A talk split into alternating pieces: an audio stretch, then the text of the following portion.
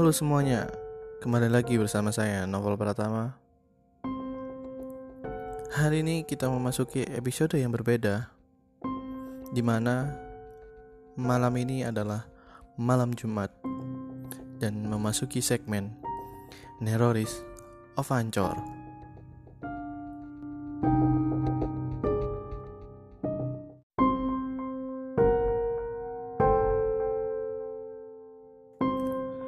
Cerita ini didasari kisah nyata yang dialami oleh saudara aku bernama Maria Agnes.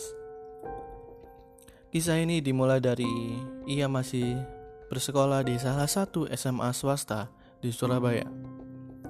Waktu itu Maria Agnes masih duduk di bangku kelas 2. Dahulu sekolah ini terkenal akan keangkerannya karena dulu sebelum menjadi sekolah ialah bangunan rumah sakit. Kejadian ini berlangsung lama semenjak ia bersekolah di sana. Di suatu waktu saat sekolahnya mengadakan ulangan, ia beranggalan ikut karena sakit. Otomatis, ia pasti ulangan susulan. Sebelumnya, Maria Agnes ini bukan anak indigo ataupun yang memiliki indera keenam. Posisi ulangan susulan itu berada di kelas dan guru yang mengawasi ulangan tersebut meminta ia duduk di bagian bangku paling depan. Jadi bangku depan itu sudah dikosongkan dan dikhususkan bagi yang ulangan susulan. Berhubung yang ulangan susulan hanya Maria Agnes ini, maka ia melaksanakan ujian susulan itu sendirian di bangku barisan depan. Saat mengerjakan ujian, ia merasa tidak nyaman atau tidak enak. Mungkin karena dia habis sakit atau lain sebagainya.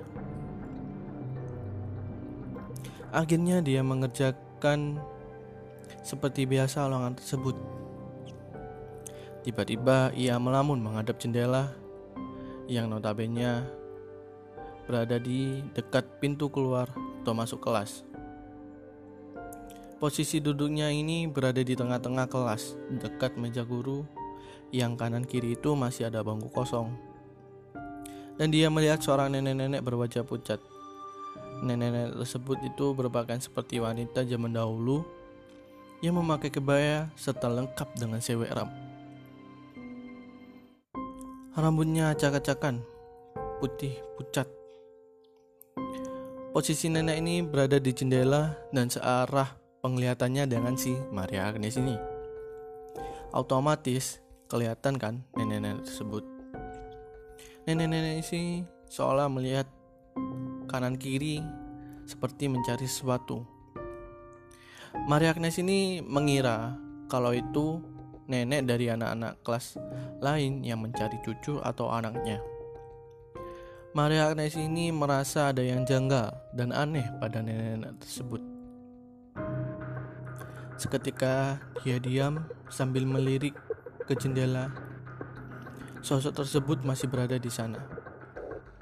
Sekali dua kali melirik dan ketiga kalinya ia melihat nenek-nenek tersebut dan juga Sosok itu pun menoleh ke arah Maria Agnes ini, sehingga bertetap muka. Langsung, sontak Maria ini memalingkan wajahnya. Tak lama kemudian, guru kelas Maria ini masuk ke kelas dan memberikan pengumuman. Maria kaget melihat sosok nenek itu di belakang guru tersebut dengan tubuh yang bungkuk, wajah pucat, rambut acak-acakan, kulit kering mengelupas dan keriput seperti orang zaman dahulu. Dan kulit yang mengelupas itu dia melihat seperti kulitnya terbakar atau jatuh ke aspal. Ya, kalian tahu lah yang pernah jatuh ke aspal bentuknya kayak apa. Dan itu berdarah-darah dan ngeri ngerinya lagi nenek itu tersenyum ke arah si Maria Agnes ini. Akhirnya si Maria Agnes ini teriak sekencang-kencangnya dengan ketakutan dan gemetar. Seluruh badan lemas, jantung pasti berdebar-debar. Yang pada awalnya ia duduk di depan, kemudian dia pindah ke belakang, berlari dengan ketakutan, nangis, nangis, dan nangis. Teman-temannya itu menanyakan kenapa, tapi ia enggan mau mencerita atau menjawab. Banyak yang menenangkan, serta guru-guru banyak yang datang. Setelah tenang, dia pun mau menceritakan kejadian yang dia alaminya. Salah seorang guru juga menceritakan telah melihat sosok nenek tersebut. Ternyata nggak cuma dia yang melihat, melainkan ada orang lain yang juga pernah melihatnya.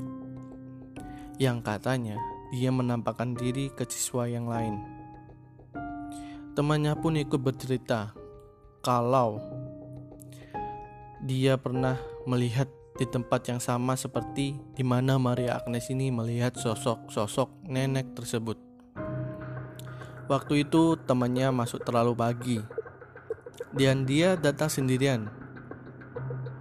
Setelah tiba di kelas, temannya ini bermain game Po. Kalian tahu kan zaman dulu permainan Po seperti Tamagotchi yang bisa kasih makan, mandi dan memakan, memakaikan baju. Game Po ini berada di Android. Yang belum tahu bisa download di Play Store. Kemudian ada bunyi-bunyi sendiri dari game Po yang notabene kalau lapar kan pasti bunyi luak sama kalau ngomong kan bisa meniru suara kita. Tiba-tiba suara Po ini ngomong, tapi ngomongnya itu nggak jelas, kayak orang mengerutu.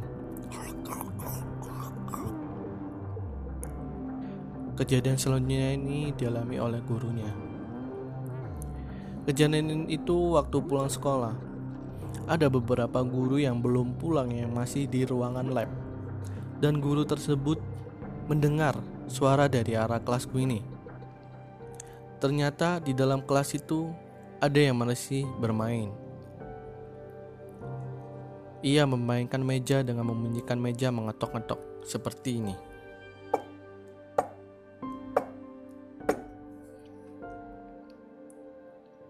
Sontak guru tersebut melihat kalau kelasnya itu sudah dikembok. Dan dia berpikir takutnya ada anak-anak yang belum pulang dan dikunci oleh satpam sekolah. Akhirnya dibukalah pintu tersebut. Dan kagetnya, ternyata tidak ada orang sama sekali. Kemudian pintu ditutup kembali, lalu pergi begitu saja. Kasus serupa yang dialami guru yang berbeda juga melihat siswa yang ada di dalam kelas tersebut bermain kipas. Siswa tersebut bermain kipas menghidupkan dan mematikan. Yang kipas yang dulu kalau talinya ditarik akan nyala. Kemudian melihat kelas digembok dan membuka gembok tersebut, guru tersebut tidak melihat siapa-siapa di kelas tersebut. Akhirnya Guru itu menutup kembali dan pergi meninggalkan kelas tersebut begitu saja. Sekian malam Jumat kali ini.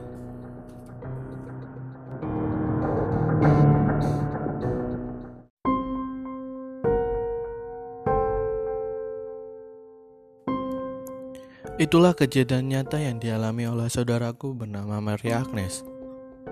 Jika kalian punya pengalaman horor atau menyeramkan, kalian bisa kirim ke email ke novelpratama99 at gmail.com dan aku akan senang hati membacakan kisah horor kalian semua. Nantikan podcast horor lainnya setelah malam Jumat dalam edisi Neroris of Ancor di Ancor Podcast. Hati-hati, bila yang mendengarkan podcast ini, jangan dengar sendirian. Mungkin mereka ada di sekitar kalian semua. Saya Novel Pratama undur diri.